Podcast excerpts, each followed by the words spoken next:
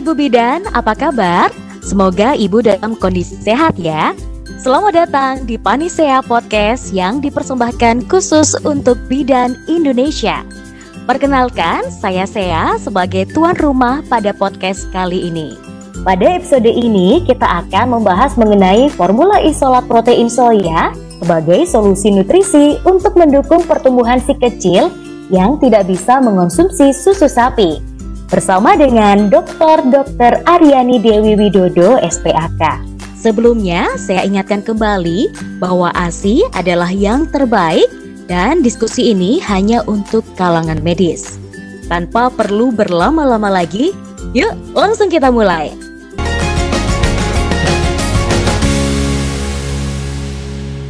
Halo Dokter Aryani, apa kabar?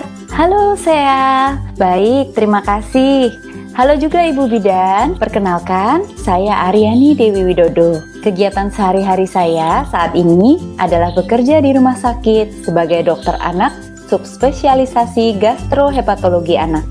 Wah, senang sekali bisa berinteraksi dengan dokter Aryani. Nah, untuk mengawali podcast ini, kita mulai dengan pertanyaan dasar dulu ya dok. Faktor apa yang bisa menyebabkan alergi susu sapi pada si kecil? Terima kasih pertanyaannya saya. Alergi susu sapi pada anak sebetulnya disebabkan oleh reaksi berlebihan sistem imun anak sehingga menganggap protein dalam susu sapi sebagai sesuatu yang asing dan perlu dilawan. Tidak normalnya sistem imun ini dapat didasari oleh faktor risiko yang dimiliki si kecil, baik internal maupun eksternal. Contoh faktor internal misalnya faktor genetik, yaitu salah satu atau kedua orang tua mengalami alergi, dan hal ini lalu diturunkan pada anak. Sementara itu, untuk faktor eksternal, beberapa contohnya adalah misalnya ibu mengkonsumsi makanan yang berpotensi menimbulkan alergi, yang kemudian masuk ke dalam ASI, atau bisa juga lingkungan yang kotor di sekitar si kecil, seperti asap rokok, bulu binatang peliharaan, polusi, atau kualitas udara yang buruk. Dok, bagi anak yang alergi bagaimana ya? Rekomendasi terkait penggunaan formula isolat protein soya. Hmm, formula isolat protein soya adalah nutrisi yang bisa digunakan sebagai alternatif untuk bayi yang alergi ringan sampai sedang yang tidak bisa mengonsumsi formula terhidrolisat ekstensif misalnya karena faktor rasa, ketersediaan, atau biaya. Namun perlu diingat, terdapat kemungkinan 30-50% bayi yang alergi susu sapi juga alergi soya. Dan susu ini tidak boleh diberikan pada bayi prematur atau dengan berat badan di bawah 1800 gram. Lalu, apakah formula isolat protein soya dapat mencukupi gizi pada si kecil? Dan mulai usia berapakah formula isolat protein soya dapat diberikan? Formula isolat protein soya dapat membantu memenuhi kebutuhan gizi anak. Karena kandungan gizi pada formula isolat protein soya seperti kalori, protein, karbohidrat, lemak, vitamin, dan mineral sudah disesuaikan dengan standar yang telah ditentukan BPOM RI. Isolat protein soya dapat diberikan untuk anak yang secara medis tidak bisa mendapatkan ASI mulai usia 0 sampai 12 bulan dengan catatan penggunaannya berada di bawah pengawasan dokter anak. Apakah formula isolat protein soya dapat digunakan pada si kecil yang alergi susu sapi dengan berat badan yang kurang ya dok? Berat badan anak menggambarkan status gizinya. Jika asupan gizinya tercukupi, maka berat badannya seharusnya bertambah sesuai usianya. Pada anak yang terdiagnosis mengalami alergi susu sapi, Hal pertama yang dilakukan adalah mengeliminasi atau menghilangkan komponen makanan si kecil yang mengandung susu sapi, keju, dan produk-produk turunan lainnya, contohnya mentega, krim, mayones. Nah, pada alergi dengan gejala ringan atau sedang, berikan formula terhidrolisat ekstensif sebagai pengganti formula susu sapi.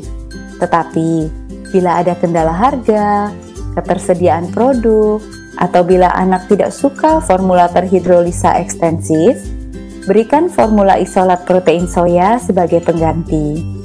Konsultasikan dengan dokter anak agar dapat menentukan tingkat gejala alergi si kecil dan penggunaan formula yang tepat untuk mengurangi reaksi alergi silang, serta asupan kalori dan nutrisi yang cukup untuk membantu meningkatkan berat badannya. Lalu dok, sebelumnya kita ketahui bahwa tidak ada perbedaan yang signifikan antara tumbuh kembang anak yang mengonsumsi formula protein sapi dan formula isolat protein soya untuk satu tahun pertama.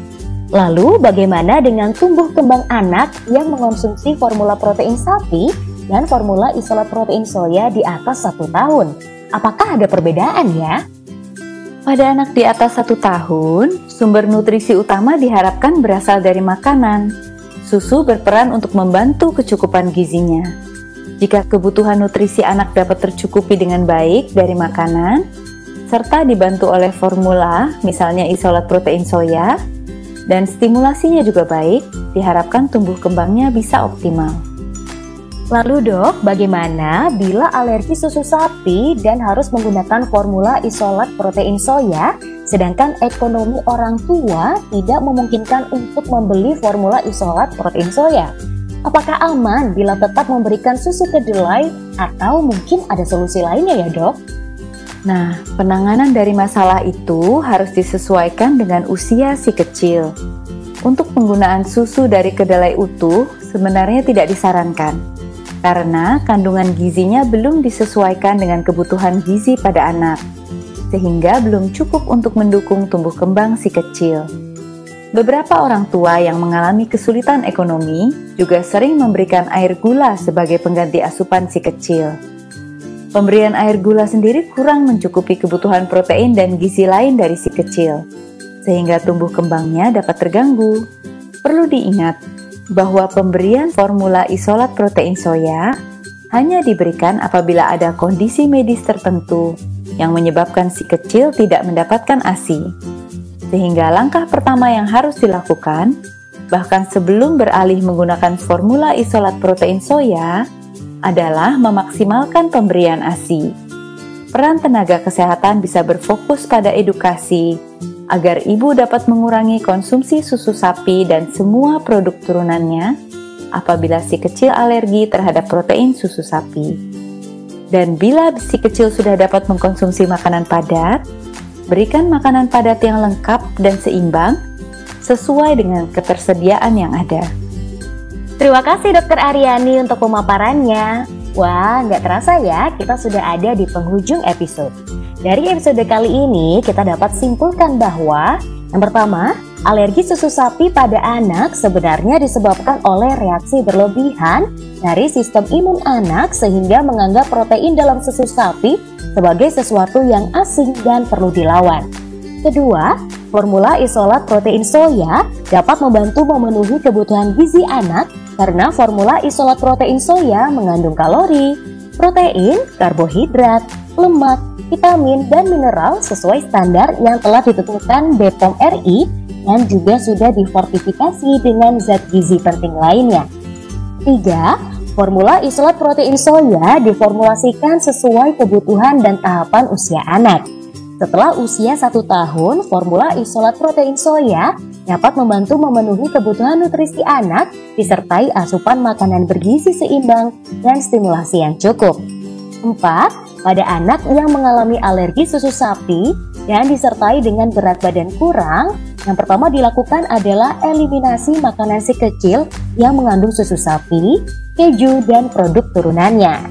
5. Pada alergi dengan gejala ringan atau sedang, berikan formula terhidrolisa ekstensif sebagai pengganti formula susu sapi. Tetapi bila ada kendala harga, ketersediaan produk atau bila anak tidak suka formula terhidrolisa ekstensif, berikan formula isolat protein soya sebagai pengganti. Terima kasih untuk Dr. Aryani yang telah meluangkan waktu untuk berbagi ilmu dan para ibu bidan yang sangat bersemangat untuk mendengarkan podcast hari ini. Sampai jumpa di episode Panesia Podcast selanjutnya Ibu Bidan. Panesia untuk Bidan Indonesia.